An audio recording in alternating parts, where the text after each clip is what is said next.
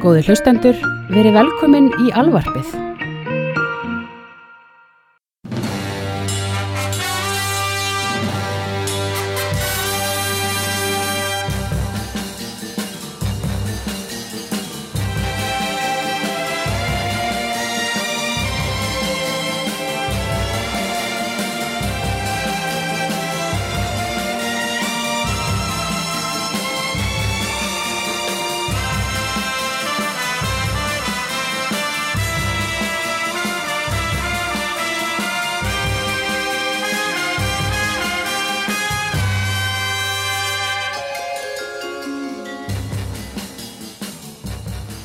Hævar Hæ, eða hulló Ég klöður þessu alltaf. Hvað er eiginlega málið með allar þessar orfulísku framtíðamyndi fyrir börn og úlinga í dag?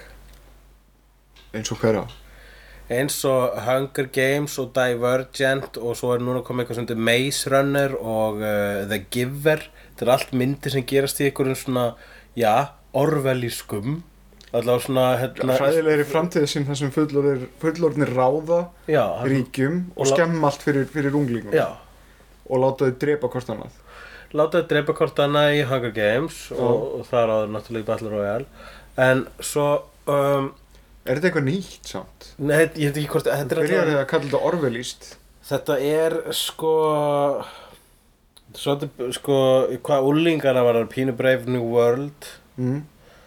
En uh, Brave New World var samt svona útópía Útop, já, já, dystopísk útópía en, já en samt, það er og til minnst með demolísum en það er sko það er eitthvað sko útopía en raunin er það dystopía vegna þess að hún er, það er fjár frelsiskerðing já, og samt öllum leið vel þar til að frjáls vilji komin í þetta já, þú ert að alveg á því bara, oh, hvað getur við ekki bara verið svona einhvern veginn svona kúð sóma, sóma, sóma Það er svona, þú ert svona, eign- þú ert að gaurinn, þú ert hérna gaurinn svikarinn í Matrix, þetta sem sagði ignorance is bliss og átt steikina.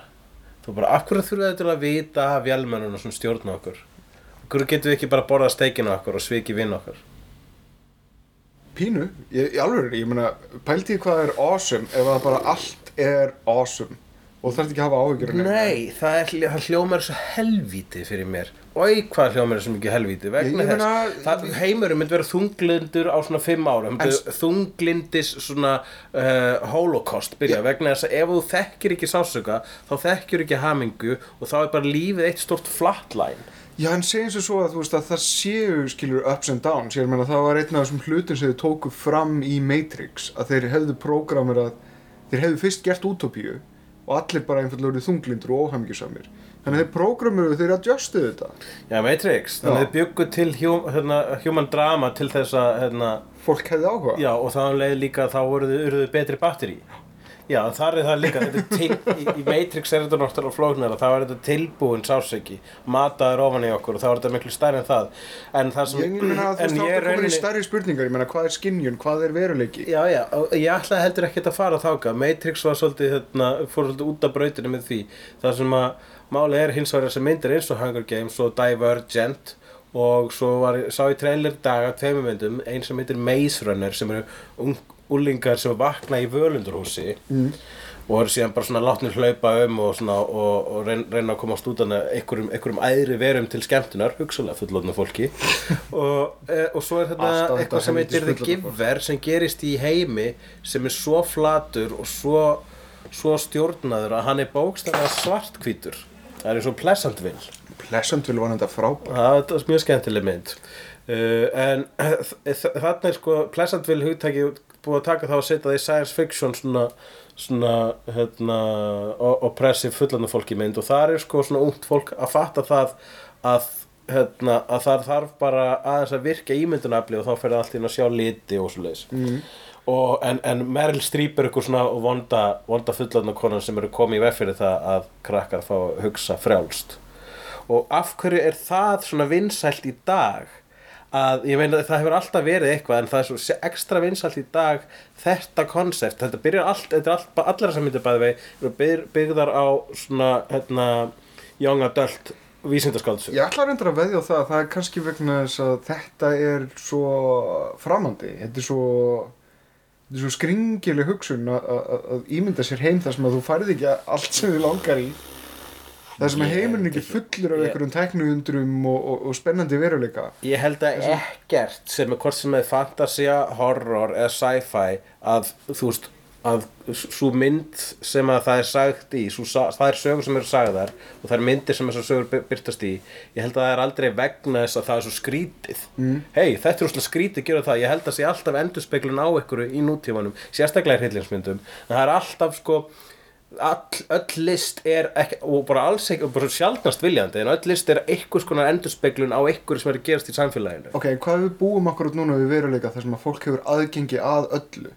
og er alveg svamlandi í gnægð og, og, og, ánægju.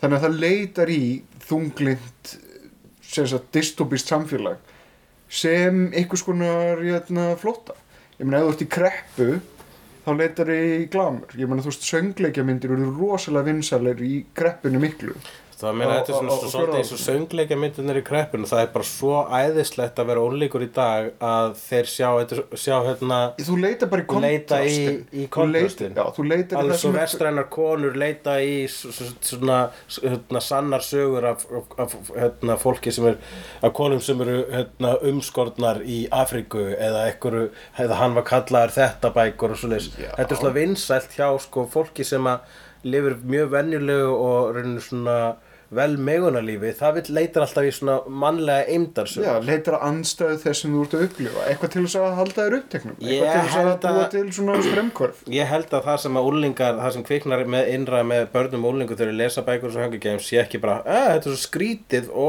óinnulegt að ég get ekki beðið eftir næstu bók. Ég held að sé meira það að þetta er, það er líka verið að segja eitthvað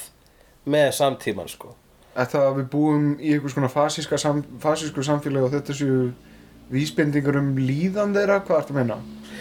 Ég held kannski að í svona velmöðuna samfélagi þá er kannski, ég held að jafnvel þetta sé pínu hérna ádela á satt, um, hvað heitir það? Uh, Neyslu- forvarnar samfélagi svona forvarn Já, ok. já, að það sé sko Þú ert að koma út á algjörlega nýja braut já, Forvörn ég, ég var bara að leita ég vissi ekkert hvað ég var að tala um þegar ég byrjaði að tala ég var bara að leita og hérna og þá þetta við búum í samfélagi þar sem er sko alltaf hvað með börnin, hvað með börnin? Passum með börnin. Og það er verið að passa svo mikið á börnin að það, þe- þeim líður kannski svolítið eins og það sé að vera að setja þau í box Já. vera að setja þau í klefa. Við erum náttúrulega samt tveir barnlausir menn að Já, já, ég, ég held að við, þess vegna vitum við meira um þetta vegna þess að ég, ég, Þú ég vil meina það Ég held að allir séu Þú er, verður ekki fullorinn fyrir þú eignast börn í fyrsta lagi. Já, Því þá allt í hún þarf þú að vera fullorinn En við erum ennþá börn, basically. Ég hendur einmitt tekið eftir fólki sem eignast börn að það fyrir allt í hún að segja dad jokes. Það breytist eitthvað í heilan að, ver, að deyr. Að deyr innra með sér. Að vera svona þegar fólk eignast börn svona fyrir allt í nú sko að sko, ég, ve, ég, ég veit um fólk sem var hérna, mjög hérna, skemmtilegt fyrir börn. Og er það ennþá. Don't get me wrong, er alveg skemmtilegt líka eftir börn.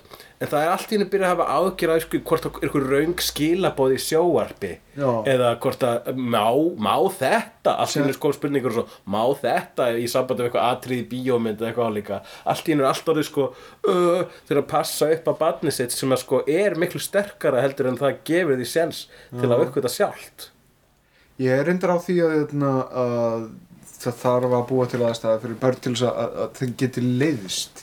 Ég held að það sé að besta sem getur komist fyrir þau. Ég held að börn, um, ég held að þetta leila er það að börn hafa aðgang á öllu í dag og því, þeim leiðist, þeim mun alltaf leiðast Mm -hmm. vegna þess að það er, þú veist, því, þú veist hamingja skipast ekki kemur eins og við vitum og alla bíómyndir hafa kent okkur að þú farið ekki hamingin úr hlutum þannig að þó að þú hafir interneti og aðgang öllu þá er það bara, þá er það bara boring Mm. þannig að jú, kannski Já, það er, það, út frá því þá er svona sameness, það er boring. Ef, ef það er svona stöðugt að sama. Þetta er svona eins og hérna, snerting getur verið góð, en það er stöðugt endurtekin snerting á sama stað, þá er það núningur. Ég held líka sem spilar inn í það að þessar bækur koma frá bókum Nei, þessar myndir koma frá bókum Mm. uh, og, og þá er ég að tala um bækur með stö, stöfum Já. Og, hérna, og þannig það, það, það er gera ákveði sko fyrir ímyndunaflið og og það er að leiðandi sko ég held að ungur lesandi sekkur sér dýbra inn í bók með stöfum heldur en mi- mikið að öðrum frásagnarmiðlum vegna þess að hann ósjálfrátt býr til andlit á persónunar og jafnvel setur sig inn í, inn í sögurnar. En ég menna, en kannski er þetta líka bara meira spennandi þegar þú ert að lesa um samaldraðina, skilur tengjast við sögupersonur þá er kannski áhugaverðar að lesa um fólk sem er í dramatískum spórum, skilur og ef þú ert að lesa um fólk sem að er bara að eiga eðlilegan dag og, og, og þú veist, hitta vinkonur sínar og bla bla, mm.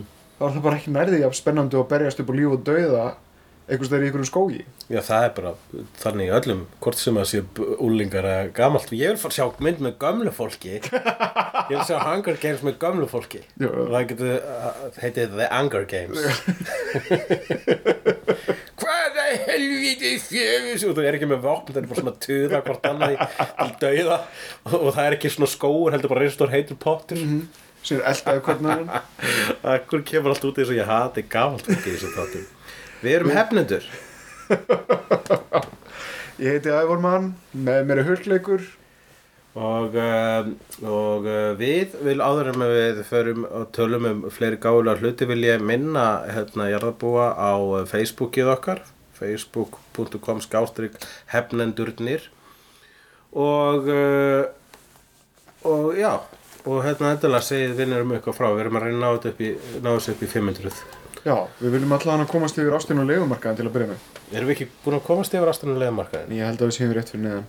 Aha Allan að síðast þegar ég tjekkaði. Hvað er að gerast? Það er konar fréttinu það að það sé búið að sæna tvo leikstjóra til þess að gera Star Wars standalone myndir. Já.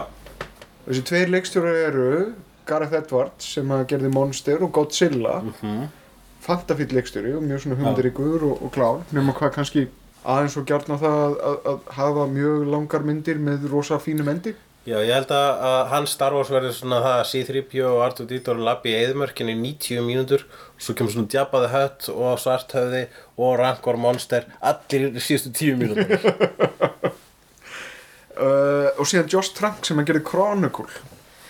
Já, akkurat. Sem er líka að gera, er að gera Fantastic Four núna. Er hann byrjar að taka hana? Ég veit ekki hvað staðan er því en, en, en mér finnst hann mér, ég fílaði Chronicle alveg í tællur mér líst vel á þann talent sko mér finnst þetta bara gott heimi og ég svona, svona ég held að þessi gera fína Star Wars myndi Star Wars er þetta bara að fara að gera sama Marvel. Þeir eru bara að expanda gera bæði hlut, bara gera bæði framhaldsseríu og síðan svona auka myndir í kring. Og eru bara að gera basically er uh, þetta sem hefur verið gert í bandarísku myndasögum áratugum saman. Það er, það er að koma í kvikmyndir. Byrja almennilega með Marvel og Star Wars er að komast eitthvað líka. Mér finnst samt ákveðin svona áræðin í þessu og, og, og svona alveg miða við það að þetta sé jafn gamalt franchise og það er. Að þá er þetta bara pínu töff að verða.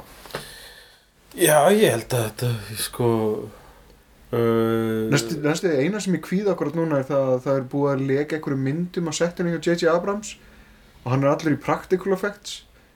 Já, hann er, það sást eitthvað svín þannig Já. Eitthvað stórt, eitthvað á, á fyrsta lagi, Tatooine. Já.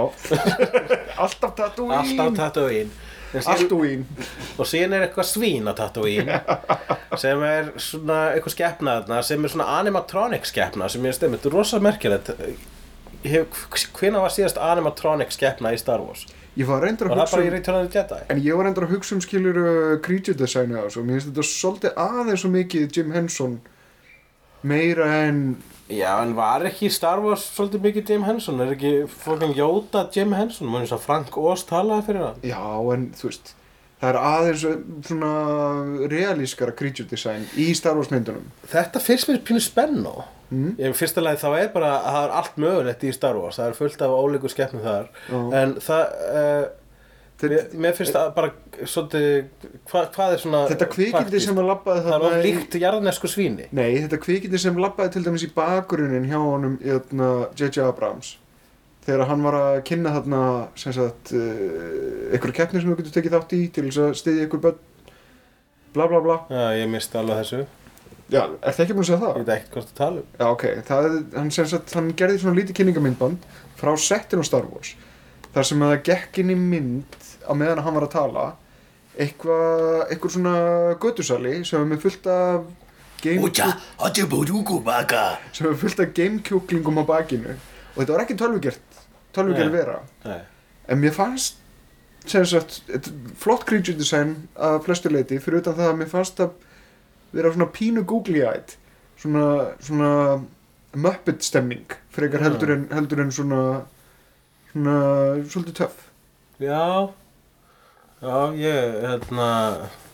Jafnvel sko skringilega skeppnan sem að gekk utan á honum Jabba Já, var ekki jafn googly-eyed og skringileg og, og, og þetta. Já ég skil það. En það er enda pínu höfundar einkenni eh, Abrams að hafa googly-eyed aðila og, þá, og, og, og núna er bara að láta geimverur vera goo- googly-eyed hingað til hafa bara, þú veist hefur til dæmis Captain Kirk verið googly-eyed og hann, hann er notar nefnilega það sem ég finnst smá óþjólandi er að hann notar óslega mikið að sko hinga til, hann virðist vera svolítið að fara út af þeirri braut í Star Wars að hann notar óslega mikið að fallegu fólki. Já, uh, og það var svona hérna, eins og Cloverfield sem er bara framleitt á hann reyndar en hún er bara svona fallegt fólk hérna að flýja undir skrimsli og það byrjar úsla hérna, partíða sem allir úsla fallegir. Taktu samt eftir að skrýmsli sjálft er ógeðslega flott í sæn Já, mér finnst ekki Cloverfield skrýmsli flott design. Ég er svolítið leiður á þessu uh, svona, ok, höfum frá, þú veist það, ég, ég finnst þau sko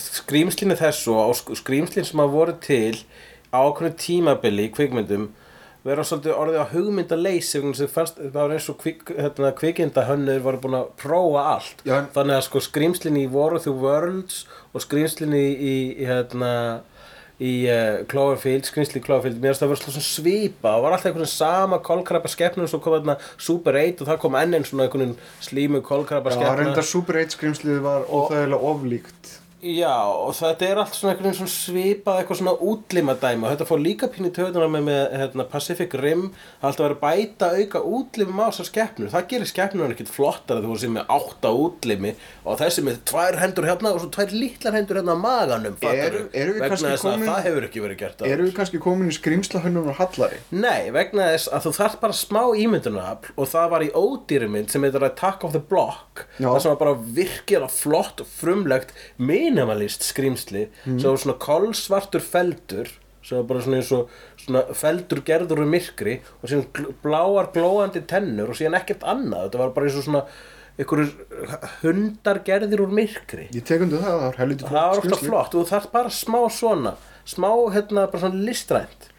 Ekki bara alltaf svona hm, hvernig allir gemur muni líti út? Við erum búin að prófa þetta prófa núna þetta og reyna alltaf að fara eitthvað svona raunsæði aðferð með að það sko við vitum hvort er hvernig gemur líti út. Mm. En endar talandi um fallegt fólk fyrir en skrýmsli uh, Hérna uppáhald þitt og reynda mitt líka Lupita Nyong'o. Ungo Nyong'o. Sem að geta aldrei borðið rétt fram. Hún, hún hefur verið ráðin inn í Star Wars heiminn.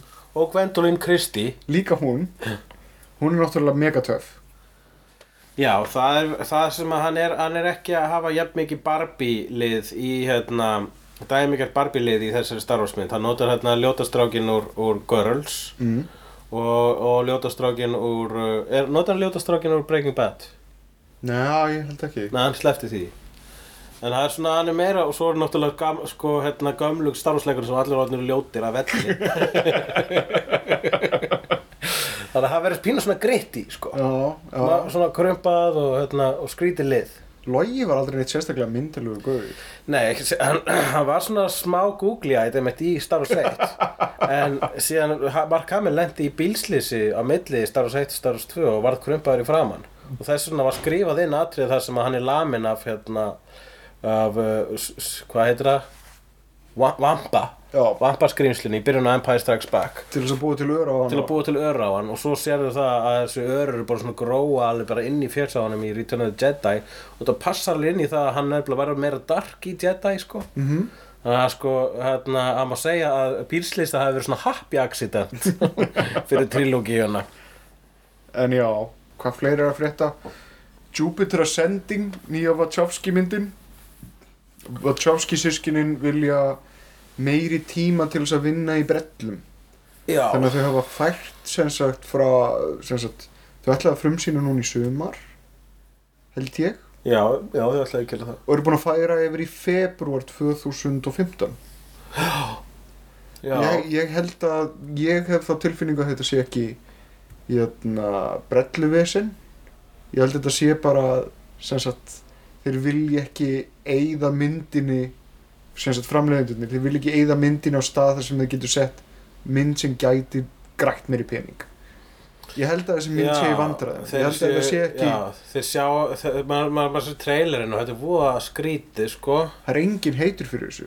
Þetta lítur út eins og sko evrósk sci-fi mynd, svona game opera. Já, Þetta er svona, svona möbiuslegt pínu.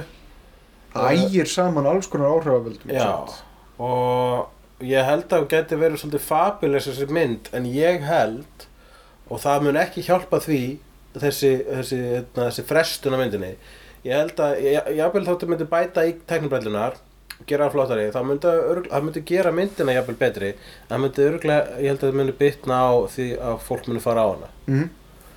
fólk var svona, eh, svo nennir ekki býða lengur.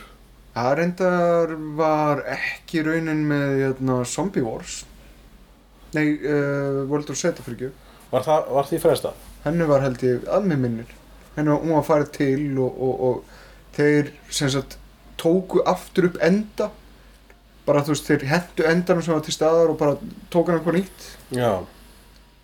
Já, ok. En zombiar voru náttúrulega hot Ég veit ekki hvað tra við trailer, það skipt, skiptir ekki máli hver, hversu langt var í myndin en maður sá trailerinu því, það leit bara óslega skemmtilega út. Það var Já. bara, maður fannst eitthvað dásalett við hvernig, hvernig þetta var executað. En þessi Jupiter Ascending, ég ætla á hana og ég er mjög forvitin vegna svo lítur út fyrir að vera í bestafalli ókísla fríki mynd. Mhm. og hún hefur þá allavega það og það að vera léleg en samt úrslega fríki er betra en að vera góð og venjuleg. Ég fæ svona japansk teiknimynd Og það geti bara verið ótrúlega áhugavert. Og uh, já, ég með mér fannst margir galla við Cloud Atlas en þeir eru allavega bara went for it. Mhm. þeir bara gerðu þetta. Og það er það sem að uh, Tjáski fyrir ekki sagði þeir. Oh, þau þau, Transatari nei, þetta er bara þú- það gerist mjög oft að ég segi þau um konur og uh, ég ruggla oft svona, ég er bara mjög lélugur að Þú tala ert bara kynjablindur já, ég er kynjablindur, rétt er það Er eitthvað fleira fyrir þetta? það er komin leikstjóri fyrir Doctor Strange Ok, hva, hver er sókur? einhver gauður sem leggst í Sinister einhverju Sinister mynd Já, Eh, það er endur ókslega fín seria ég á eftir að sjá tvö Já, allan, já, Eh, ég fíla þetta sko já ég er mjög gaman að þér mjög kjánalegar en bara mjög skemmtilega sko. Mhm. Og, og líka fagurfræðin í, í, í þessu Sinister dæmi þeir eru svona það er svona eitthvað sem að fittar alveg fagurfræðina hans Steve Ditko í, sem að teiknaði Doctor Strange. Sigourney Weaver er, hefur haft orða því að hún er til í meira Aliens. Og uh, ég held að það gæti alveg verið sniðt þrátt fyrir að það sé svona langt síðan að Aliens 1 var gerð ég meina við búum í heimi þar sem að hérna, er verið að stefna að gera nýja Conan-mynd með Arnur Svarsnegar sem líst ógislega vel á. Að vegna þess að þá er það bara gamall Conan eða svona Unforgiven Conan. Og það getur kannski orðið pínu svona Unforgiven Alien hérna, með Sigourney Weaver. Ég var að fatta það að ég er að ruggla saman Insidious og Sinister. Já, ég var líka að ruggla Cities og Sinister. Já. Já, hlaut eitthvað að vera vegna þess að hann hérna hvað heitir hans í leikstir í Sinister? Ég held að ég hef ekki séð Sinister. Við Nei, ég- óbyrjuð, ég- það var það Ethan Hawke myndin. Já, já, já, já, ég er Já, meina, já, já, ég já, já. ruggla ekki aftur. Hvað heitir hans í leikstir í Insidious? hann heitir Van eða? Já, ég, James Wan James Van. Hann, hann er frábær. Hann er rosa fín. Og mér finnst þetta bara eiginlega flest allt átbútið hans mjög gott. Ah, Ég held samt að bara þessi, já, ok. Sinister, Sinister var ágætt Já, eftir að sjá Sinister, mér langar að sjá hana. Hún var ekki af góð og Insidious. Nei, já þetta var allt saman einhvern veginn pointless.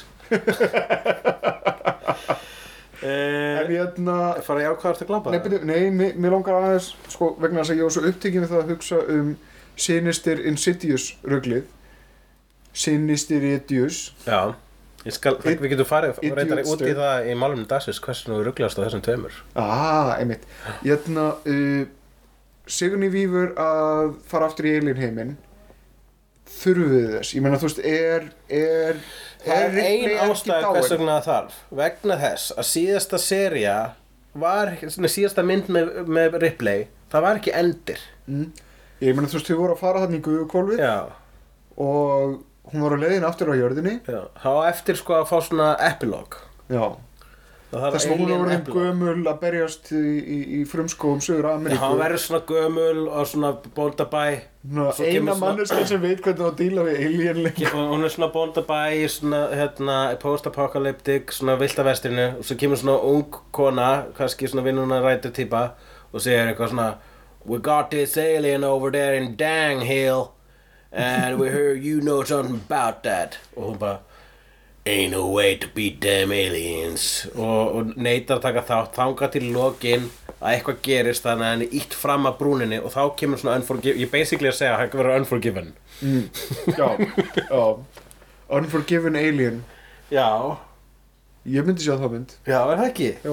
Og Ég það, held samt að þeir ætla ekki, að gera þá mynd. Ég held að það verið hræðileg mynd. Já, ég sko væri til í þeir myndu láta hann að gerast á innan annars konar leikmyndar heldur en dimmir gangar. Já, það má alveg pottjætt Ég var til að sjá Alien í skóginum. Það var pínu þannig í þessi etna, Alien vs. Predator Ég 2. las nokkuð, nokkur af þessum Dark Horse blöðum sem að koma út á sínu tíma Mm. um Alien og skrimslið á jörðinni Já.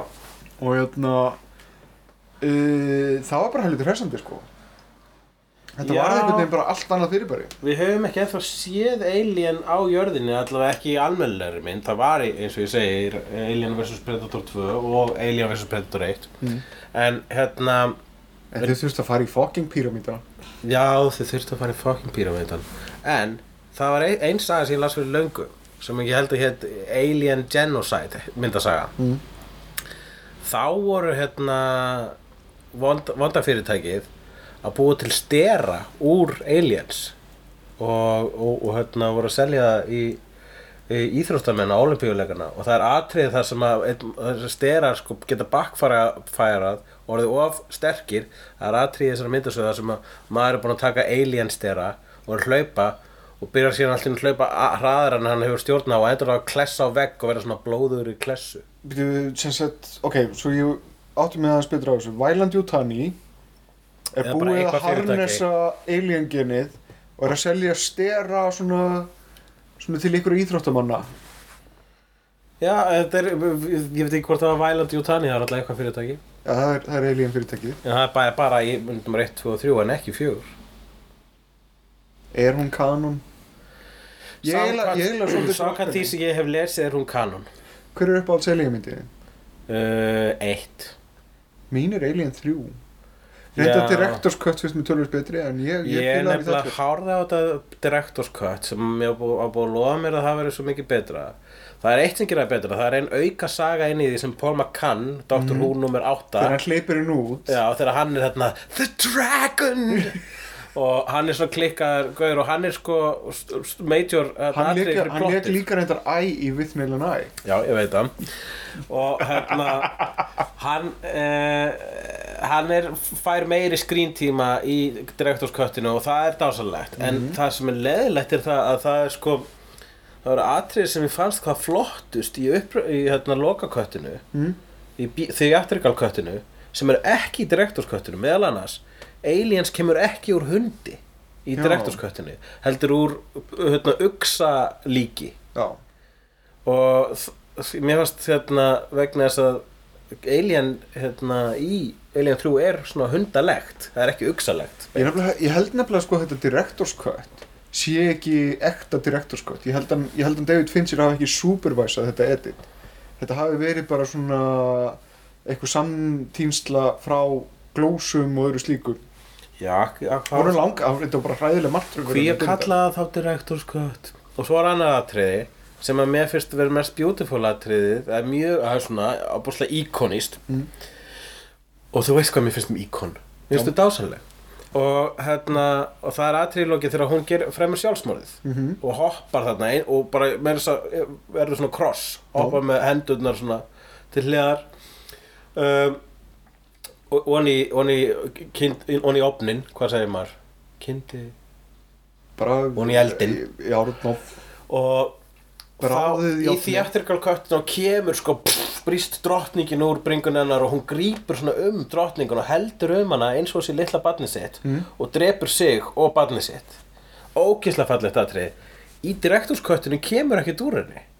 Það bara dettur hún niður.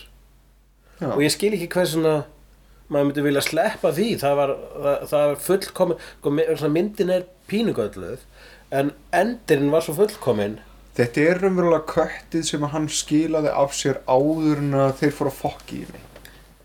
já, þannig að hann supervæ já, já, ok þannig að ég myndi það, mér finnst að það er ennþá eftir að gera almennlegt Alien True Cut sem er blandað direktorsköttinu og cuttinu Í grunninn. já, Ég held samt að David Fincher er aldrei eftir að gera. Hann hataði reynsluna því að gera Alien 3 of mikið. Samt er þetta ógislega góð mynd. Mér finnst þetta besta Alien myndina. hún er lukkar best og mér finnst líka koncepti við það að hún er þarna eina konan á, á kallaplánutu full af scum of the universe Nei, meni, ég held að bara byrjunin að drepa Newt og, og jötna, Hicks uh, það er það sem að fór mest í töðun á, á öllum þetta var bara reset á aliens. Já, já, það er náttúrulega líka s- s- struktúrulega svona fyrir ef maður tekur alla myndina sem eina sögu þá er svona bjánalegt að þau bara deyja strax og bara, ó, var það ekkert point með að bjarga eða allri aliens í að bara að bjarga þessu fólki? Það er það sem gerir hana svona awesome. Það er ekki það sem gerir hana awesome vegna það var ekki Jó, það er bara það það, þetta, er, svona þetta er svona grimm. Hann James Cameron talaði eitthvað tíma við David Fincher um þetta. Já, og, jötna, og hann hataði Alien 3 út af því að hann hafði verið að eyða öllum þessum tíma í að bjarga þessu fólki og það fyrsta sem Fincher gerir er að hann dreipur það. Já, hann gerir það ekki hérna- til þess að gera myndina betri. Hann gerir það til þess að vegna þess að hann nennir ekki að hafa þau að flækjast fyrir. Hann er með allt aðra hugmynd. Já, en þú gera, veist, það, það er alveg svona vissulega gerir það að stróku þessa karaktera fyrir Alien 3 sem að pössu ekkert inn í Alien 3 það meika sens fyrir myndina en það er samt bara að þú gerir þetta bara vegna þess að þú vildir gera þessa sögu. Í viðtali sagði samt James Cameron að, jötna, að hann, hef, hann hefði hatað myndina út af þessu en vegna þess að hann elskar svo mikið hvað, hvað David Fincher er klár að þá fyrirgerur hann já Jú, jú, en ég er líka, ég, mér, ég er líka, mér finnst Alien 3 frábær, sko. Það er fjögur sem er náttúrulega, eins og allir vita, sem verst. Joss Whedon skrifaði handritið að Já, hann var ekki svona 20 maður sem skrifa handrið að henni. Jú, og náttúrulega Sean Pierre Sionneau sem leikstýrir og hann bara átti ekki leikstýrir. Ég þetta franska, þessi, þú veist, sko, frakkar eru bara öðruvísi í frásögn heldur en bandarækjumenn þess vegna er sko, hefur tekið eftir, tekið eftir svona myndum sko, svona þessum frönsku actionmyndum. Það kom svona frönsk actionmyndabilgja og er raunin ennþá í gangi.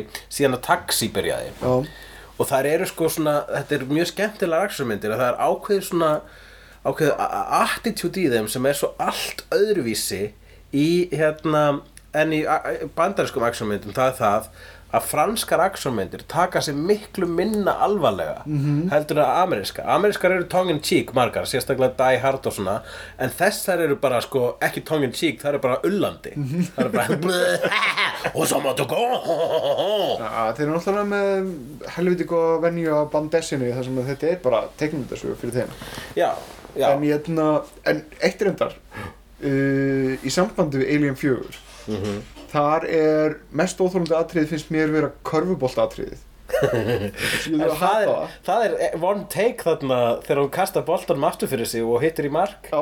það var bara í fyrstu töku Það er, það er ok, en þú veist, þegar þau eru svona að keppa og, og, og hún er eitthvað svona í einhvern stellingum svona, Já.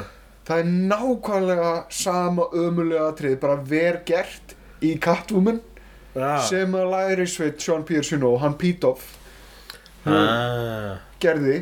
Ég veit ekki hvað er í gangi með þessa helvitis frakka og körfubolta. Þeir, það vita allir að frakkar elska körfubolta það eru bagettur, rauðvín og körfubolti og kjarn okkur tilraunir Já, er eitthvað fleira að frétta?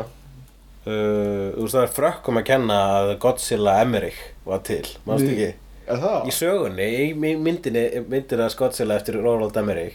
Var Sean Reno eitthvað? Já, Sean Reno var þá svona frakki hjá fransku leinuþjónustunni Já. Þeir voru sko út af hérna vegna þess að þetta var stutt eftir og frakkar voru með kjarnarku sprengju tilraunir einhver staðar og það var sérst gefið sterklega í skinn að Godzilla var til út af þeim. Þannig að í þeirri mynd þá sko fá ekki svona Japanir að vera með. Það er frakkar sem byggu til Godzilla eða Zilla eins og Japanir kalla þá mynd eins og hefur komið fram í öðrum þætti. Á hvað ertu að glápa? Uh, ég var að klára að horfa á uh, Silicon Valley. Kísildal. Sem að hann Mike Judge uh, dómarinn Mickey. Comebackið hans Mike Judge. Algjörlega, Já. þetta er frábær serja ég er svona, á fyrsta þætti þá verður svona, er þetta aðeins og svona silly og, og, og, og svona stereotypist grín eitthvað? Þetta er mjög góða mörgum milli, milli silly og, veruleika. Já, en þetta er bara, það er svo fallega gert í þessari seríu, þar sem að þeir svona fara á tangent, uh, þar sem að þeir hérna, elda hluti sem að býst ekki þeir elda. Uh, eins og gaur sem að byggðist afsökunar sem að er næstu því skrifað inn í genin á þessum karakter. Hann á ekki byggðist afsökunar en látar í staðin byggðist afsökunar. Já, það er svo, svoleiðis Þetta tala um þegar TJ Miller karakterinn, já, já, Já, það er frábæra þáttur. Já, líka gott vegna að það er karakter þróun í gegnum þetta, sko, með að það þetta er í grunninn sitcom ég myndi ekki, ég, þetta, er, þetta er svona office space serían, skilur Já, þetta er, þetta er Office Space serían. Þetta er, þetta er af því kaliberi þetta er með því svo, svoleiðis hjarta. Nefnum fyrir öfugt Office Space þá fjalla Office Space um mann sem hataði vinnuna sína. Mhm. Þetta er um fólk sem elska vinnuna sína og er tilbúið til þess að hugsalega rústa lífinu sínu fyrir vinnuna sína. Ég, og það er líka eitt reyndar vegna þess að hann, hérna, Mike Judge, hann var forrætari og það útskýrir allavega Já, það útskýrir margt. þannig startaði hann svona, þú veist, að, í upphæðu síns fyrir hann ætlaði að vera forrætari og eitthvað svona vesen. Þannig að hann er að fjallum þessar hluti af ákveðin þekkingu með sínu náttúrulega handreitsöndum og, og leikstjórum. Og ég, það er nefnilega eina af þessum tilfengum sem ég fæ í gegnum seríuna er það að þetta er authentic. Já, það er mjög authentic og maður veit þetta var sko svipað og svona hérna ki- kikki sem ég fekk úr Anturas er maður það að maður vissi að þetta er byggt á einhverju sem gerist í alvöru og þetta er byggt á einhverju sem gerist þarna í alvöru. En það var að í Anturas verið að taka fyrir Hollywood þarna verið að taka fyrir Silicon Valley. Þess að það, það er að segja það er í rauninu Hollywood forritara. Og, og hérna og maður veit að þetta eitt karakter táknar eiginlega Steve Jobs og annar karakter táknar eiginlega Bill Gates og svo framvegis. Og, og og hérna, Google gengið og allt það. Já og, allt þetta dot-com Google dæmi. Bill Gates er eiginlega Nei, en það er enda stannsum að vísan er svona hálfpartinn í það sko og þetta er svona það te- tekin meir og minna allir pakkin en þarna er náttúrulega verið að fókusa á þetta er, þetta er, þetta er leitarvélar og, og, og þjöpunar forrið þjöppunarforrit. Já. það það er bara, það er heili kjarnir, þjöppunarforrit. Já, bara allur heimurinn ferst og ef það er ekki þjappað nóg Já, það er, er allt spurningum að það er náttúrulega, og það er líka satt. Já. og það er ekki skrítið að þessi gaurar sko, það sem kemur ljós þetta strax frá fyrsta þætti að þeir vilja helst vera eitthvað svona superstjörnur. Mhm. er að sækjast eftir því að verða biljónamæringar vegna þess að þú veist, þeir sem að, á upplýsinguöldinni þeir sem að finna upp leiðina til að pakka inn upplýsingunum á sem produktífastan eða praktískastan hátt þeir verða konungar alheimsins. Þetta er alltaf frábær serja ég mæli eindriði með henni. Já, á hvað varst þú að glapa? Ég var að glapa á uh, Edge of Tomorrow. Og uh, þetta er mynd sem er byggð á skáldsögu sem heitir All You Need Is Kill sem er miklu flottari titill. En uh, ég skilaði þessu í uh, Edge of Tomorrow veg, það vegna þess að það passar ekki betur við sögutráðin ok, og það sem þetta er er Groundhog Day í framtíðinni. Ok. Veistu eitthvað um þessa mynd? ég veit ekkert um hana, ég hef séð Nei. trailer. Ég hef svona næ Ground, Groundhog Day konceptinu gegnum hana trailer. Ég veit ekki hvort mér langi til þess að vita mikið meira. Nei, ég ég skal hef búin að heyra það frá tveimur svo sem sé mjög góð mynd. Já, það, ég, skal, sko, ég, ég skal ekki spoila ég basically segja sem allir sáu í trailernum það er, ger, þetta segir frá því þetta segir frá því þegar þetta er enn ein hérna, náttúrulega geimverur ráðast á jörðina mynd og, og hérna það er eh, heimstyröld á jörðinni. Hvað, geimverur versus fólk. Hvað er samt Tom Cruise að segja? Hann gerir þetta á Oblivion. Hann er, Tom Cruise er ofurhetja. Já. hann vill vera ofurhetja og hann er pínu ofurhetja. Mannst ekki hann hefur bjargað með þessa mannslif mannst ekki söguna því þegar hann og Nicole Kidman drögu, drógu fólk úr brennandi bíl? Nei Það gerist var það einhvern Days tímann. of Thunder settinu eða hvað er gangi Já, þau olli slísinu um, það, það sem að hérna, þessi mynd segir frá er að, að gerist framtíðinni gemur upp rást í jörðina, það er heimstyrjöld milli manna og gemvera og hann Tom Cruise leikur markaðsfræðing sem eru aðlega sko, hans, hann er klættur eins og svona einhvers konar hersæðingi en hann er í rauninni bara gaur sem mætir í viðtölu og segir já, strákarnar okkar er að standa sig. Og svo allt í hennu er hann settur í verkefni þar sem hann þarf að mæta á vígvöllin sjálfan. Ok, ég fæ svona Starship Trooper stemningu þarna, sko. Já, já, býtu og hann þarf að mæta á vígvöllin sjálfan og hann vill það ekki og hérna kemur sko fyrsta dæmi og snemma í myndinni kemur fyrsta vísbending um að maður var að horfa á góða mynd. Vegna þess að hann sko bara, nei, ég ætla ekki að fara á vígvöllin og byrja síðan sko að reyna bæði annarkvort að múta eða sko að blackmaila ofurstan sem er að senda hann á vígvöllin til þess að gera það ekki. Ok, og hérna sem kemur ljós að hann er bara pínu svona aumingi. Mm. og svo endar hann alveg vígvellurum og deyr. Og svo strax um leið og deyr þá vaknar hann á, hérna, á herstöðinni sem hann var á rétt ára hann fór á vígvellin já, hann er bara komin í ykkur lúpu. Já og svo bara heldur lúpan áfram og hann skilur ekki af hverju hann virðist vera svo eini sem að færa alltaf að byrja upp á nýtt. Og þessi mynd er útlitslega mjög hérna Hvernig sér hann það að hann er svo eini sem fær að byrja upp á nýtt? vegna þess að engin annar er eitthvað þetta er ekki, það er ekki neitt sem neitt talar um veist, ef að þetta var Hann er svo eini sem upplifur það að byrja upp á nýtt. Já, og hann, ef þegar hann útskýrir þetta er búið að gera stára þá fór horfið fólk á hann eins og hann sé brjálaður. Uh, það er, þetta er sagt undir miklum áhrifum frá, ekki undir miklum áhrifum en það notar sem er hugmynd og Groundhog Day. Og rauninni hefur áður verið gert Groundhog Day science fiction uh, samengi, það var Source Code sem kom ekkert fyrir svo lengu síðan með Jake Gyllenhaal sem var leikstir þarna af hann að sinni David Bowie. Já Hann hérna, var það sá í bái? hann heitir, hann heitir, Sig- hann heitir Moon Unit Sappa og uh, svo, svo er útlitlega myndin undir miklum áhrifum frá hún er of mikið svona sci-fi du jour. Hún er hún lítur pín út eins og Elysium út af það að það er upp á það að herminetnir með svona exoskeleton. Svo náttúrulega verður maður óneittalega að hugsa til Oblivion sem er síðasta þú veist hérna, post-apocalyptic myndin með honum uh, Tom Cruise En það sem að er sko mesti áhrifavaldurinn á þessa mynd, myndi ég segja bara tölvuleikir, punktur. Já, Og þetta er bara, þetta mætti segja, þetta sé pínu svona komment á tölvuleiki. Og ég vissum að ef að Slava og Sisek hefði eitthvað um þessa mynd að segja, þá myndi hann öruglega hafa, myndi að tala um sko, hérna, hvað þetta representar þessa, þessa, nýja, nýja miðil, sem er raunin ekki það nýr, sem er tölvuleikir og það er þetta element innan tölvuleikja að þú segir það og og byrjar upp nýtt, gera byrjar upp nýtt, svo er alltaf betri og betri og betri. er þetta tölvuleikur in the movie? Þetta er tölvuleikur the movie og verður betri en allar tölvuleikja myndir sem hafa verið gerðar mm.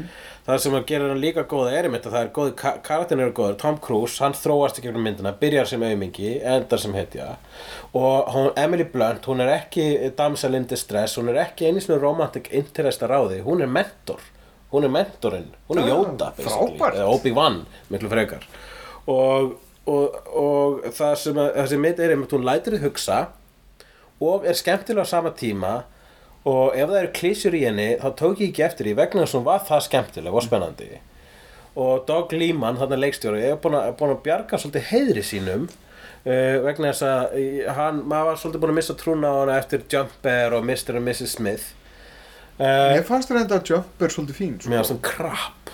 Mér fannst, mér var, það var eitthvað, það var eitthvað skemmtilegt og hann gerði náttúrulega Born Identity. Það, ég myndi það að vera síðasta virkilega góða myndina þess ég sá reyndar ekki fair game. Í- ég væri alveg til í þess að ég er gaman að pólitískum þrill- trillum en ég á eftir að sjá hana. Uh, en hann, já, hann svolítið mér varst Jumper svo phenomenally slæm að ég misti svolítið trúna á hann sérstaklega sem ég varst einu af hans fyrstu myndum Go, svo frábær uh, og svo gera Mr. og Mrs. Smith sem er svona einhvern veginn venjulegast að kjafta því í heimi Já, en þetta er náttúrulega myndin sem startaði einu stærsta róman sem hefur verið í gangi Já, í- hvað er svona Hversu náttúrulega við það? mikið af afrískum börnum hefur verið bjargað af þessu, þessari mynd? True, true However Sko, ég á að vega á með þetta Hvort að ég vil fá Nei, ok, ég ætla ekki svona að fara því Þannig að ég ætla að fara basically að kúka við afrísk börn Í þessum brandara, ég ætla ekki að fara þangað Ekki eftir glötuðu nauguna brandaranum minna í síðastu þætti. Uh, Allavega, það sem ég vildi segja Aldrei fyndið. Það sem ég vildi segja er hérna uh, Að þessi mynd Já, er að vinna uh, HM í dag. Og það sem ég er að hugsa sko, það, að Ok, við, við erum en ég hef okkur verið svona uh, fótbolta að að fá HM og EM og fullt af leikjum og við nöðum ekki neitt, það er ekki rétt. Við erum með sumari, það er eitt stórt HM Já. það koma allir blockbusterarnir. Þú veist að Við- HM er líka bara, þú veist, að nokkur ára fresti, sko. Ja, mér finnst þess að sé alltaf. Já. Það er líka þetta að það er EM á milli og... Já. Og, og, og, og, og, og fullt af öðrum leikjum í öðrum riðlum. Mm. riðlar. En þá þá er sko ég vil svolítið byrja að líta á sumarið og þá er það mæ, júni, júli, ágúst sem mm. einhvers konar uh, heimsmyndstarkeppni, árlega heimsmyndstarkeppni Já. og uh, í bösturum, blokkbösturum, sumarbösturum og þá skulum við fara yfir það sem búið að gerast hérna það er búið að gerast uh, uh, það er Spider-Man 2 Amazing Spider-Man 2 þar að segja Godzilla og X-Men Days of Future Past mm. og síðan þessi Edge of Tomorrow Er, Edge of Tomorrow, er það meistarinn í ár? það er háamisturinn hingað til að mínu mati þú átt eftir að sjá bæði Spider-Man Já, ég, ég veit ekki alveg, ég, ég, ég, ég held að ég eftir að horfa á Spiderman á, á DFT. já, þú ætlar ekki á leikina eins og ég Já. ég ætla á alla leikina, ég er búin að ákveða það vegna að núna er ég bara að hugsa um þetta svona Ég ætla samt að sjá Godzilla, sko. Já, það verður drifað á hana þá Mhm. uh, Og farðu á Spiderman. Já, Tjekkaðu á þessu. Maður líka, það. það er líka, það er smá í henni sem er svolítið briljant sem þú þarft að sjá. En það sem er hérna Það sem er málið með Besturinn að hinga til er það að Sp Spiderman, Godzilla og X-Men eiga það alla sameiginlegt að það eru svolítið frábærar nema að mínum að þið alla skemmast að einum stórum galla Í Spiderman voru lélegi vondukallar, í Godzilla var ekki nógu mikið Godzilla og í X-Men voru reisastóra plotthólur.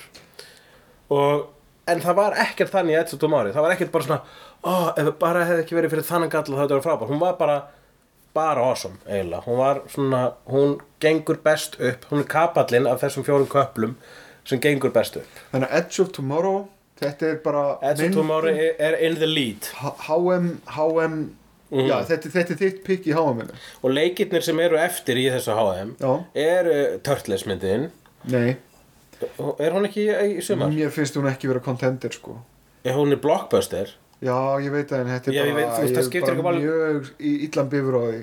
Já, en hún er st- risa mynd með skjaldbökum Þú veist, við vitum báður Eins og það sé svona leikilat. Þetta er risaminn Já. með skjaldbökum. Er, hér er ég að fara að tellja upp myndir sem Ok, okay, alltaf alla, alla, móti- alla sameigileg Fyrir ekki, ég, ég, ég hef ekki átt að grípa svona fyrir, fyrir, Já, þú er bara mjög duglegur að gripa fram með það þetta var ég en hérna þessar myndir það sem ég er að fara að tala um, það er allar sameiglegt að vera e, sumar blockbusterar sem höfða til hefnenda Já, já, já, já. þannig að þú veist, Turtles Turtles- tímalist.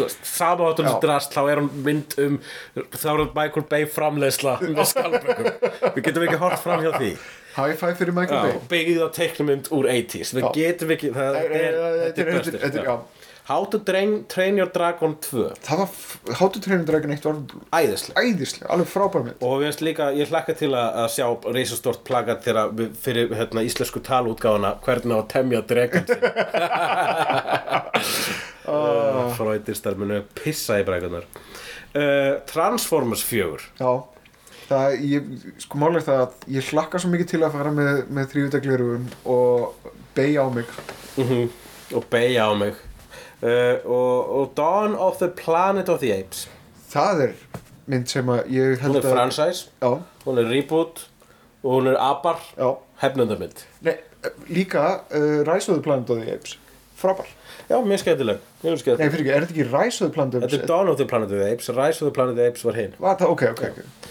Hercules Ég var að horfa nýja trailer. mm Mér finnst þetta pínulega Ég er góður. pínu aðeins jákvæður Ég er alltaf, ég er alltaf með maður, liði. Þetta er maður sem að drapa Xavier. Þetta er Brett Ratner Og hann er, hefur gert Alla myndina sem hefur gert frut, er, Ég eiginlega bara alla myndina sem hefur gert Eru bara svona Já, Ég er nefnilega sko, er pínulítið að ignora það að þetta sé Brett Ratner og ég, eins og ég segi, ég er alltaf pínulítið alltaf í liði með The Rock. Já, Dwayne Johnson ég held ég muni bera þá mynd og hann muni örugglega bera margt annað í þeirri mynd. Uh, Guardians of the fucking Galaxy. Já, já, það er alveg, ég hef góðan bifur á henni. Tökum við Expendables 3 með? Ég veit ekki hvort að það fari í blockbuster territory en ég beint Arnie og Bruce Willis hætti og í staðinn kom hver aftur Harrison Ford. Já, ok, það er svona nörda element. En Harrison Ford er bara farin að gera hvað sem er skil. Já, já, hann er svona orðinu svona gamall Nicolas Cage. Já, Það er bæðið við jáfnum með kenningu. Er, er John Cusack ekki bara svona boring Nicolas Cage? nei hann er arti Nicolas Cage. Hann er ekki svona hann er, hann er Nicolas Cage er meira heartthrob- heldur en John Cusack. Nicolas Cage var í Adaptation. Er hann heartthrob Nicolas Cage Ég held að það sé boring Nicolas Cage vegna þess að hann er í ógísla mörgum myndum. Já, virðist segja já við öllu nema það er allt myndir sem eru bara svona eh. en allavega Nicolas Cage er allavega Nicolas Cage.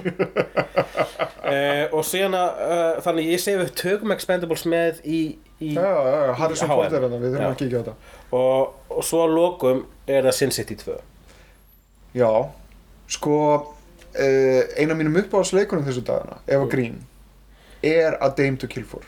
Mm já já, hún er hérna, er frábær í Penny Marshall ég, nei, Penny Marshall Penny Dreadful. Ég er í stuði að sjá uh, Eva Green í hverju sem er.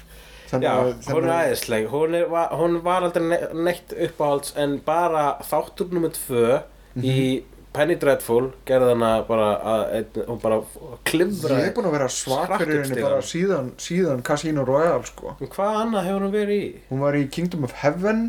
Uh, hún var núna í 300, 300, uh, 309 myndinni. Mm, uh, Golden Compass. Nei, þetta er er ekkit sérstakka bildir ég veit ekki, ég tek bara alltaf eftir henni þegar það er það Já, ok Þannig að við erum að tala um að það er hérna Turtles, How to Train Your Dragon, Transformers 4, Dawn of the Planet of the Apes, Hercules, Guardians of the Galaxy, Expendables 3 og Sin City 2. Af þessum myndum held ég að Guardians of the Galaxy í augnablikinu sé sigurvegarinn. mm. Ég held að það sé sterkast hún er, er sigurverðin í væntingakefninni í væntingakefninni. sem að gæti reyndar bóðað illt fyrir hana í framistöðukefninni Já, og Expendables 3 er neðst en ok, tökum hann aðeins af listanum. Hún er ekki alveg það já, það er ekki drekar í henni en já það er en ekkert það aftur á móti þá superpower. var Chuck, Chuck Norris og Van Damme í Expendables 2 já, en, já, það er náttúrulega bara meme heaven sko. Já, já, er það sant já, en þá er hérna, þá er hún allavega svo sem við minnst að trú á. Já, uh, fyrir utan, og, og Turtles þar ég líka verð aldrei á nálægt þetta þegar ég hef eiginlega minni trú á Turtles minni trú á Turtles vegna þess að Expendables mun actually delivera því sem hún lofar meira heldur en Turtles. Nei, ég held bara að það sé búið að reyna Turtles. Það er bara, það er búið að gera teiknumyndir, það er búið að gera tölvu gera teiknumyndir, það er búið að gera alls konar til að endur líka þetta, ég veit ekki hvað flúk gerðist, af hverju þetta var svona ógeðslega vinsalt á þessu tímabili, en ég held þetta sé búið. Já, heyrðu, ok. Ég, allavega, ég, Spádómur. ég þú, þú ert búin að missa pínu trúan á Tur- Turtles Það var ég sem var að bassa Turtles síðast.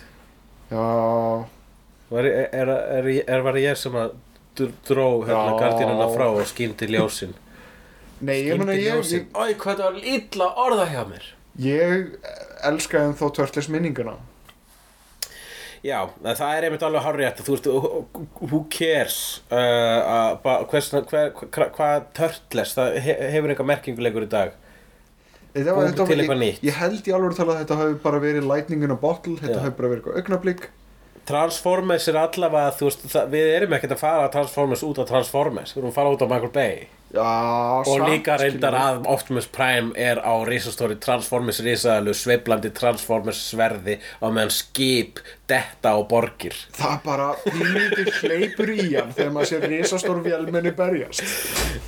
og hérna, já þannig að við segjum það bara og þá bara fylgjumst við en þá, þá bara hvenær er næsti le leikur, ég held að sé to Train Your Dragon 18. júni eða eitthvað svo leis Já, þá verður það gott bara mót, gott mót. Ég held að það verði góðu leikur Ef að fara í málefnum dagsins? Já, gerum það bara Málefni dagsins. Her, Já, Þú, þú, þú varst með eitthvað mjög spennandi málefnum dagsins. ég var með spá málum í dag sem tengist þeim því sem hann tala um með þess að sumar blockbustera vegna þess að það er uh, eitt siður sem hefur verið eða svona ákveðið minnstur sem hefur verið í gangi alveg í, út gegnum gangandi í gegnum sögu kvikmynda og þá sérstaklega sögu uh, hérna, sumarmynda. Mm. og það eru þessu svo kvöldu tvennumyndir þegar uh, þegar að koma sama sumarið eða allavega sama árið það er mjög nálægt hvori annari tvær myndir sem eru rosalega líkar hvori annari og frægasta uh, dæmi sem er þetta alltaf strax í hugir er Armageddon og Deep Impact. Ég man nefnilega eftir því að uh, Armageddon og Deep Impact koma á svipuðum tíma og hérna, Dante's Peak og Volcano. Já, akkurat.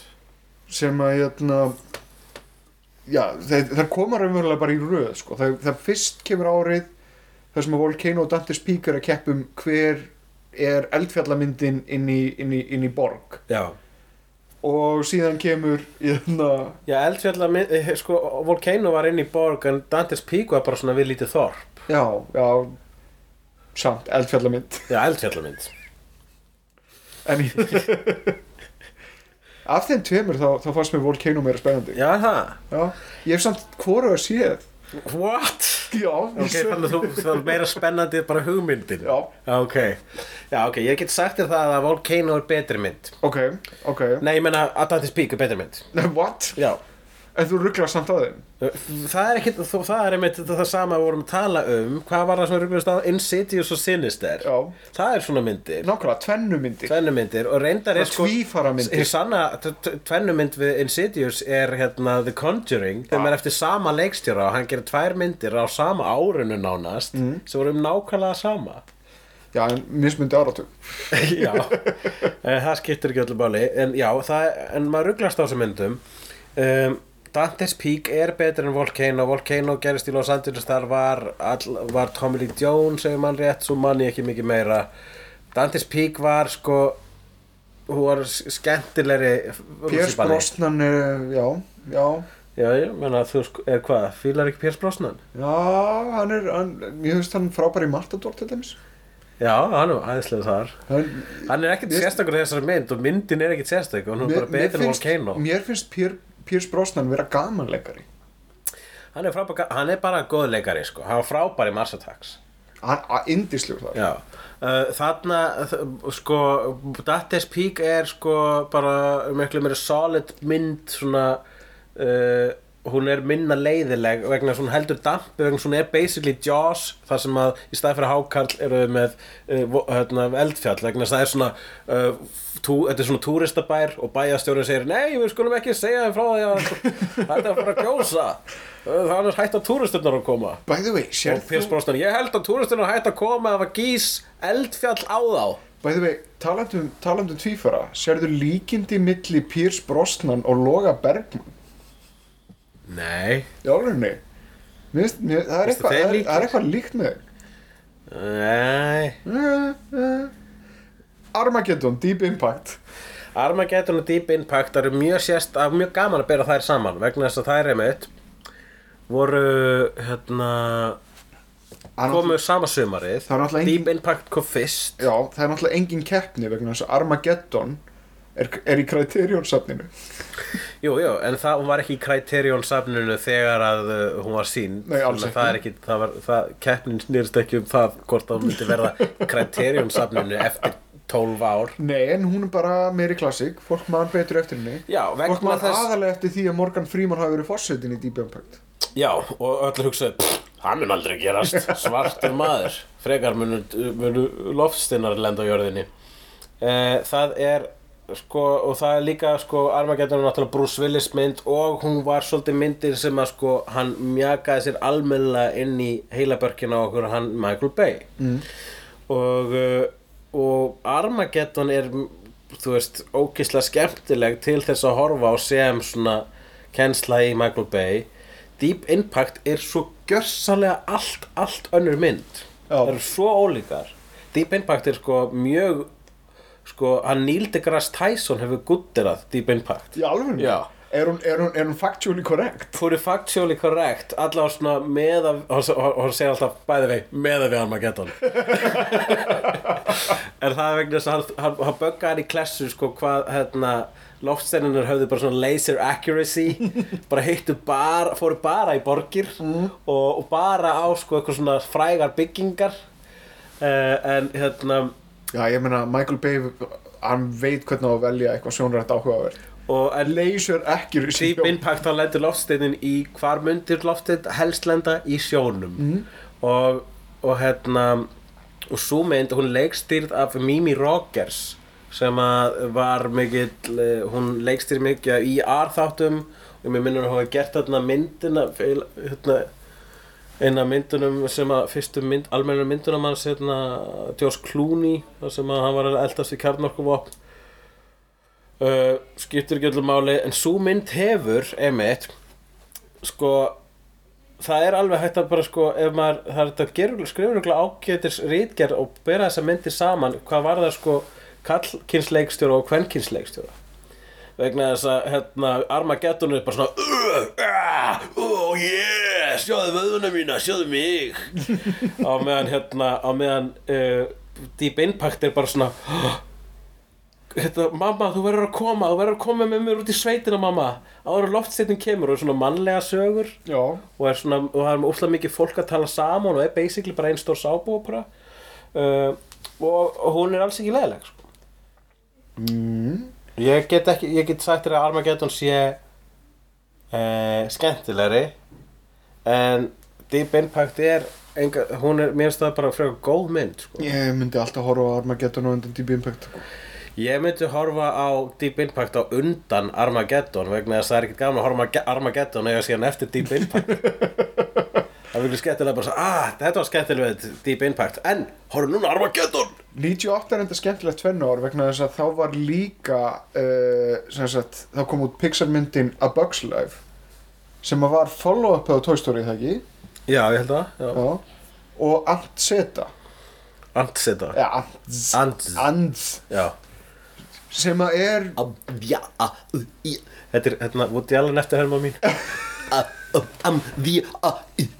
Ég get ekki þú ert náttúrulega með Woody Allen gleru þannig að þú, Já, já, það er búin þetta eina sem er líkt með mér og honum en uh, af þeim tveimur, hvað er betri?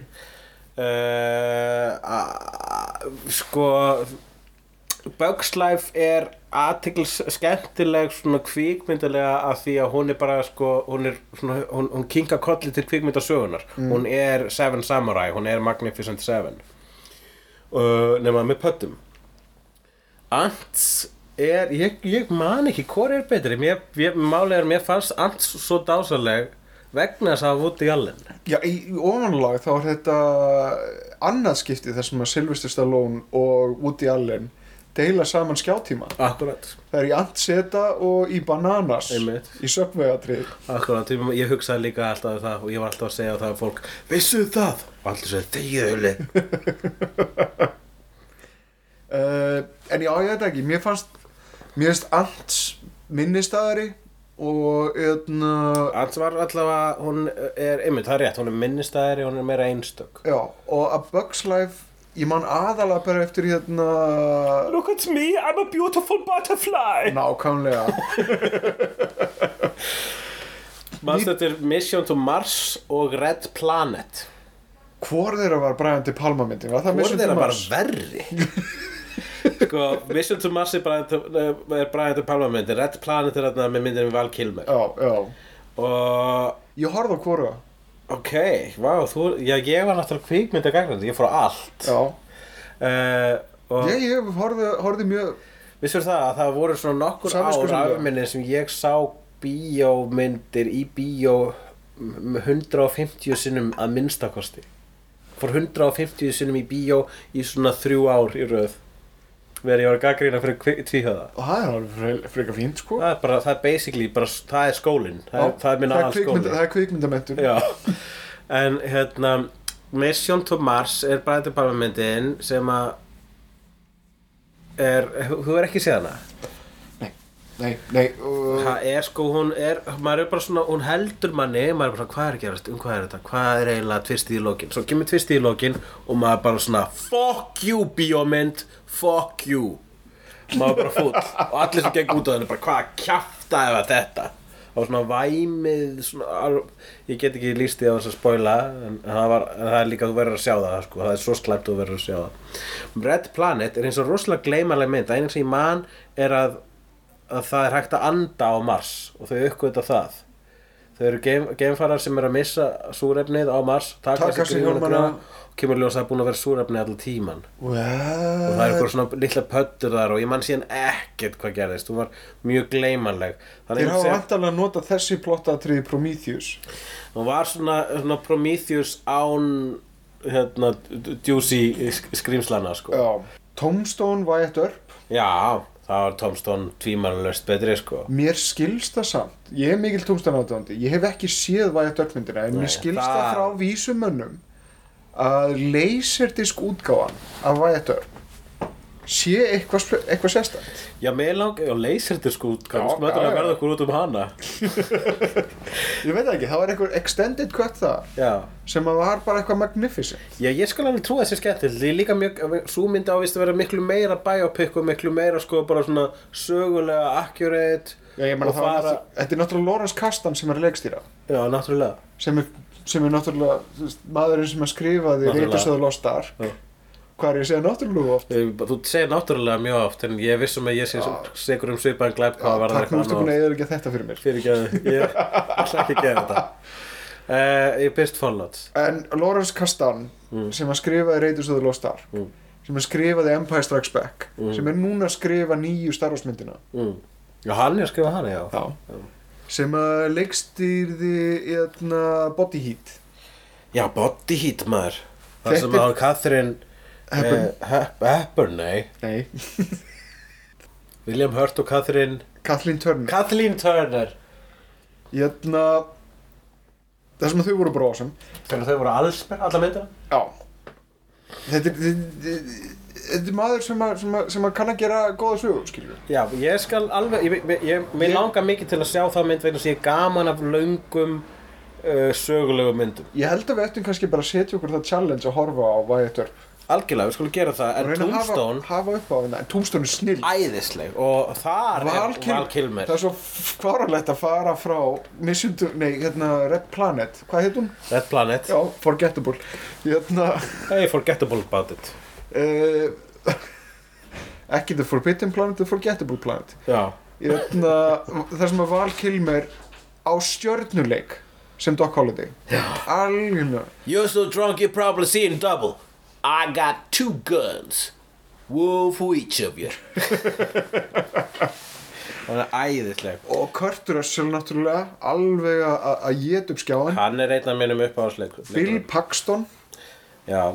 Hann, Bill, Bill, Pax- Bill Paxton var líka frábæri hérna í Edge of Tomorrow. Truman Show og Ed TV Ég man eftir EdTV svona óljóslega. Það var meira svona veruleika sjónvarps var svona meðvitund um kameruna. Já, það er alltaf það er að samöldu fjalla báðar um mann sem að er stanslust undir að stanslust í sinum eigin sjóastætti. Já, að meðan að Truman Show er bara djúbstætt mistaraverk um tilvist. Já, og það var Ed TV bara að bera svona hei, raunveruleika þættir. Já. Uh, Illusionist og The Prestige. Ég sá aldrei Illusionist, The Prestige var góð Já, um, sko Prestige var góð. Það er samt eru margir sem fyrst um, drasl. Mér fannst Jessica Biel standa sig vel í The Illusionist. Mm. uh, Mér finnst þú mjög vannmetinn leikuna Já, já, ég, mér langar svolítið að sjá eina mynd með henni en að slasher mynd sem heitir The Tall Man. Mm. uh, sem það sem ég hef heyrt að hún á svolítið leiksigur uh, en það var annað sem ég langar til að segja. Já, það var ekkit fyrir svo lögur síðan já, það var þarna snó- tvær mjallkvíta myndir. Já. Hérna Huntsman. Og Mirror Mirror. Já. Ég sá ekki Mirror Mirror, ég sá trailerinn á hann og hugsaði, ég ætla aldrei að sjá þessa mynd. Goofy, goofy, googly eyes. Og það, það, er, að- það, það er eitt sem að hérna, það er að bera það saman á eitt skemmtilegar hátt. Fyrir utan að það er bara mjallkvíta myndir. En sko Snow White and the Huntsman varð henni var mótmælt af dvergaleikurum sem fengu ekki hlutverki í henni. En það voru bara, það voru alvöru dvergar í Mirror Mirror en það voru bara svona, þetta Lord of the Rings dvergar þú veist, fullorðni leikarar minkaðir með tölvutækni í Snow White and the Huntsman. En það sko, Snow White and the Huntsman náttúrulega Já, fór eitthvað hakk út af Kristen Stewart. Fyrir ekki. Saði ég náttúrulega? Já Akkur allt, sem náttúrulega Það skiptir ekki máli hvað er, það er allt bara alveg náttúrulega. Já, bara þetta er, þetta er eitthvað svona eðlilegt. þú ert svo zen, það er allt bara svona floating like a river Náttúrulega. Snow White and the Huntsman fór í hakk út af því að Kristen Stewart sá hjá leikstjórnum Já, hún fekk á sig svona framíhaldsblettin hennar. Kristen Stewart. Það er rústaði sambandi hennar við, við hérna, Pattinson. Svo hún slött Our klessu Pats. eftir það. Já, það var Það anstíkilegt. var mjög anstíkilegt. Má maður færi sleik við eitt leikstjóra? Þú veist, kannski var hann leið á þessur glitterandi vampíru sem voru að deyta. Uh, Mér fannst, sko ég, Hensmann var ekkit sérstök en hún var mjög, hún var mjög flott goth í henni. Já.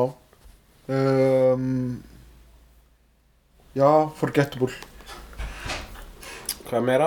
Hérna uh, Abyss og Leviathan Já, ekki bara Abyss og Leviathan Hún er eiginlega svona, svolítið svona í þrennu vegna þess að Abyss, Leviathan og Deep Star 6 Já, ég man eftir að plaggandi fyrir Deep Star 6 var alveg gæðvegt Það var tjöllað Hvað var það? Svona, hvað var það búningur? Svona fljótandi kafarbúning og það vantaði neðri hlutin á. Og Já, já, já, það já. er svona, þú veist, það er svona álútur það er bara ótrúlega flott dýnamík í plaggatinu Mér finnst að við ættum að setja á heimaverkefnislistan bæði Deep Star 6 og Leviathan. Ég er ekki að lafa það Já, ég man ekki sétt eftir Leviathan. Ég man að ég sá hana.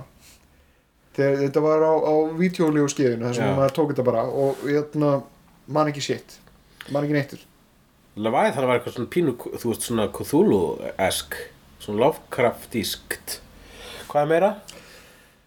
uh, Striptease og Showgirls Já. koma út sitt hvora árnu en mjög skamt á milli Mér skamt á milli og var einmitt svona smá svona kynferðislega vak vakning Fólk var búin að venja, fólk var búin að venjast í að AIDS var til og var ekki Stripper lengur ég hit. hrætt við AIDS og þess vegna kom allt í einu smá kynlíf inn í 90s með til dæmis Basic Instinct og þannig fekk, fengu menni eins og Joe Esterhaz að vin, fengu, þannig fengu þeir vinnu. Hann hann byrju, er þetta Showgirls, var það myndin þar sem hann gekk inn á stúdíu og sagði ég ætla að gera uh, strippmynd skrifa þetta á eitthvað servéttu og rétti þeim og fekk, fekk eitthvað miljón dólar Það gæti bara verið sko.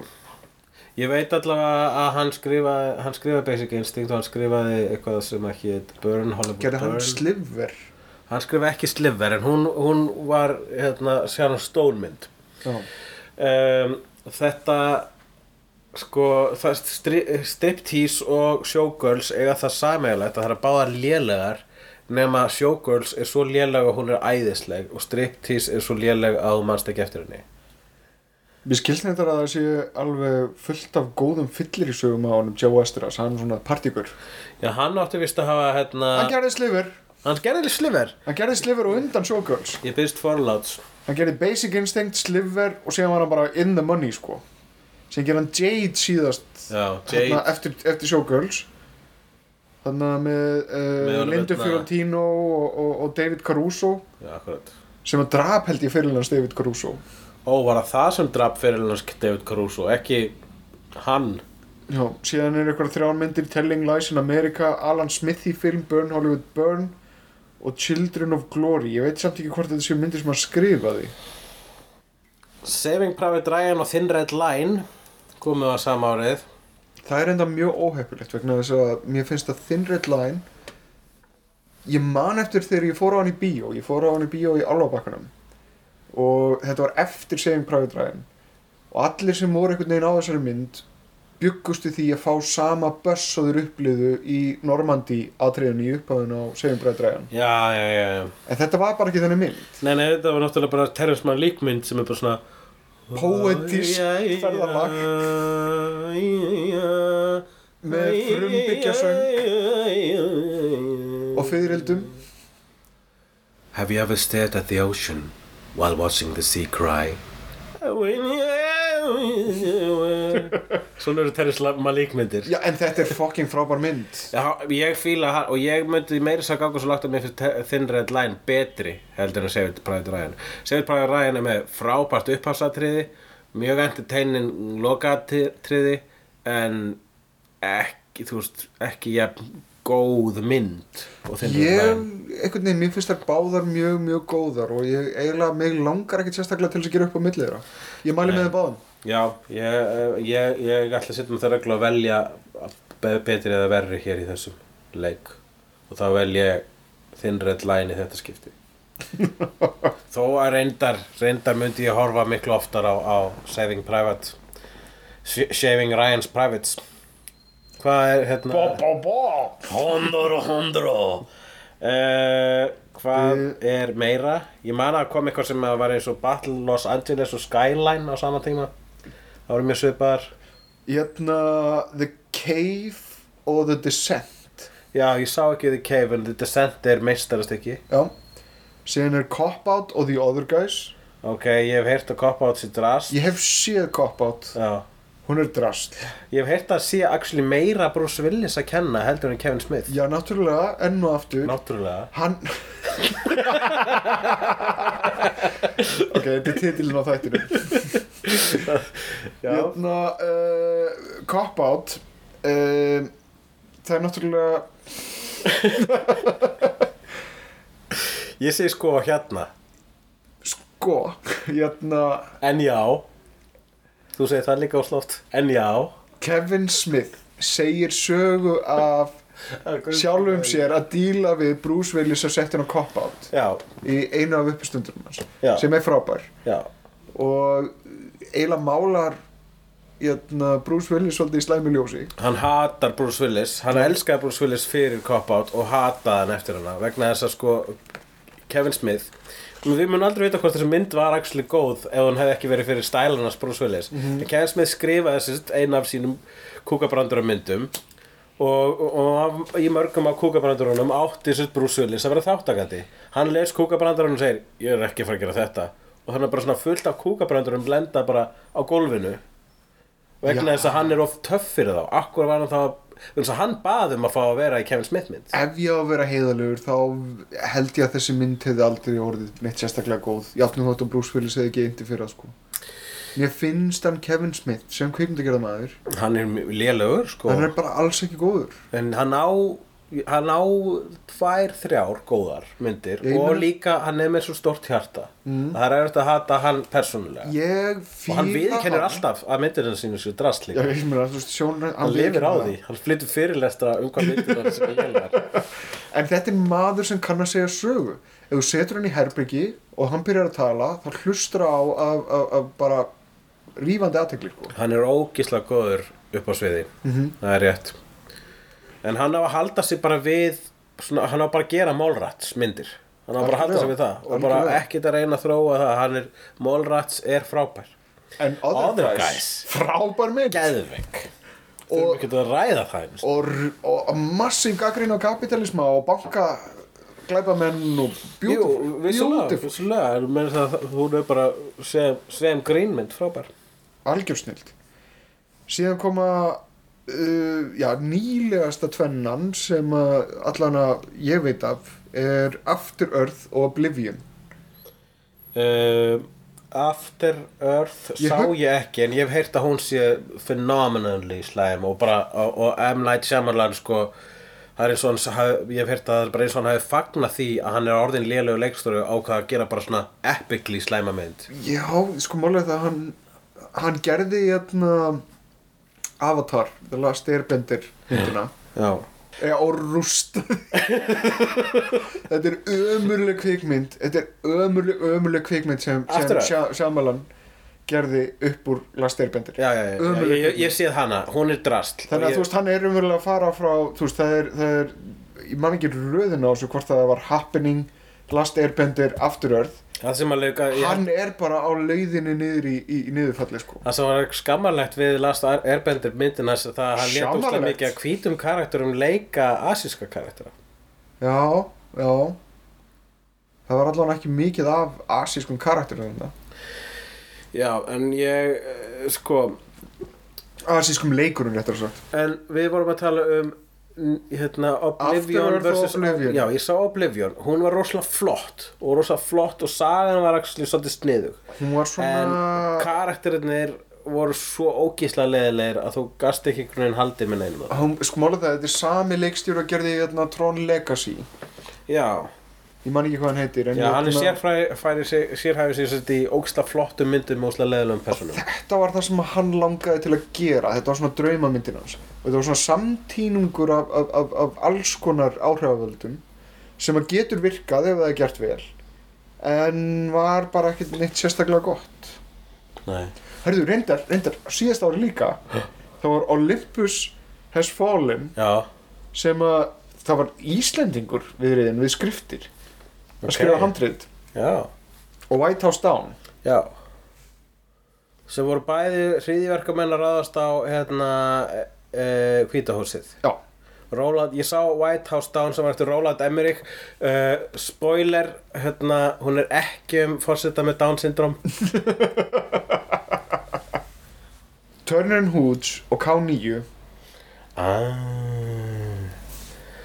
Já, ég sé það er báðar. Já, þá er nú Turner and Hooch aðeins betur heldur en K9 talsvert, Já. Skemmtilegri. Talandi samt um K9, James Belushi hann var í einnig svona mynd svona sci-fi Groundhog Day mynd. Já. Hann var í sci-fi Groundhog Day mynd sem að hét Retroactive og er frá uh, árinu 1997 og er svona straight to video mynd sem segir frá því að einhver kona er á, á puttaferðalagi og fer upp í bíl með einhverjum white trash gaur, leikinn af James Belushi og hann situr þarna á svona konunni sinni og hann er eitthvað svona hann býður þessar býður þessum puttaferðalagi far og hún verður vitni að því að uh, hann er eitthvað svona uh, munlega að, að, abjúsa ok, hvernig orðað maður þetta á íslensku hann er sérst bara að vera algjörð kvikindi við konunum sína. Eh, st- stunda andlet ofbeldi. Já, stundar andlegt ofbeldi á, á konunum sína og endar á því að fyrir framann hérna uh, ef ég mann rétt fyrir framann alpersonuna að drepa konuna verður bílsleis alls persóna puttalega færa langur sleppur, hleypur út í eðumörkina finnur eitthvað svona research center þar sem einhver maður er búinn að byggja tímavél Já. hún hleypur fyrir slísni inn í tímavélina puff, byrtist allt í henni aftur í bílnum áður en að slísi verður og þetta verður svona lúpa og er svolítið skemmtileg, sérstaklega vegna þess að James Belushi hann er mjög góður að leika drullusokka. Eins og uh, heil seria sem hétt According to Jim sannaði. Ég var einu svona ógæslega mikil James Belushi aðdöndi Já, uh, en núna einhvern veginn finnst mér eins og vittlis bróðurinn hafi bara dáið. flott hérna, hérna tvíegi með honum og svartnegar í Red Heat. Já, það er uppáðs atrið mitt í Red Heat er þegar hann sem leikur KGB hérna löggu að leita að glæpamann í bandaríkjunum hann svarsnegar og hann, hann er eitthvað svona ódýru hótelherbyggi kveikir á sjóarpinu og það er klámynd í sjóarpinu og hann segir Kapitalism uppáhaldsmyndin mín var reyndar uh, Real Men með honum og John Ritter. Já, ég sá hann aldrei. Uh, fjallaði um sem sem að hann James Belushi leik CIA-gaur sem var að sannfara John Ritter eðlilegan, venjulegan uh, sem sagt heimilisfæðir um það að hann var í sleeper agent. Já, ég þurf að tjekka því. Það snýrist allt um það að síðan að hitta geimverur sem vildu bara vasklas Já, ólíkt gefur honum í Science eftir Shyamalan sem vildi alls ekki vasklas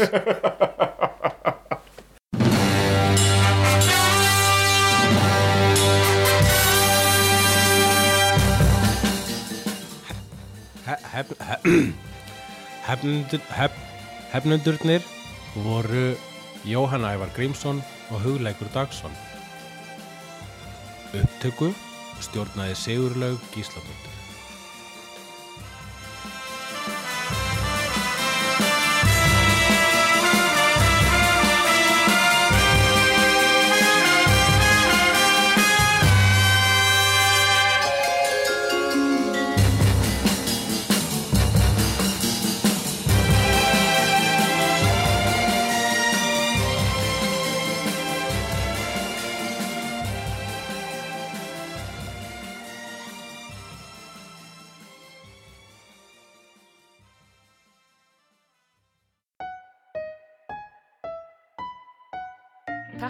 Hlusta.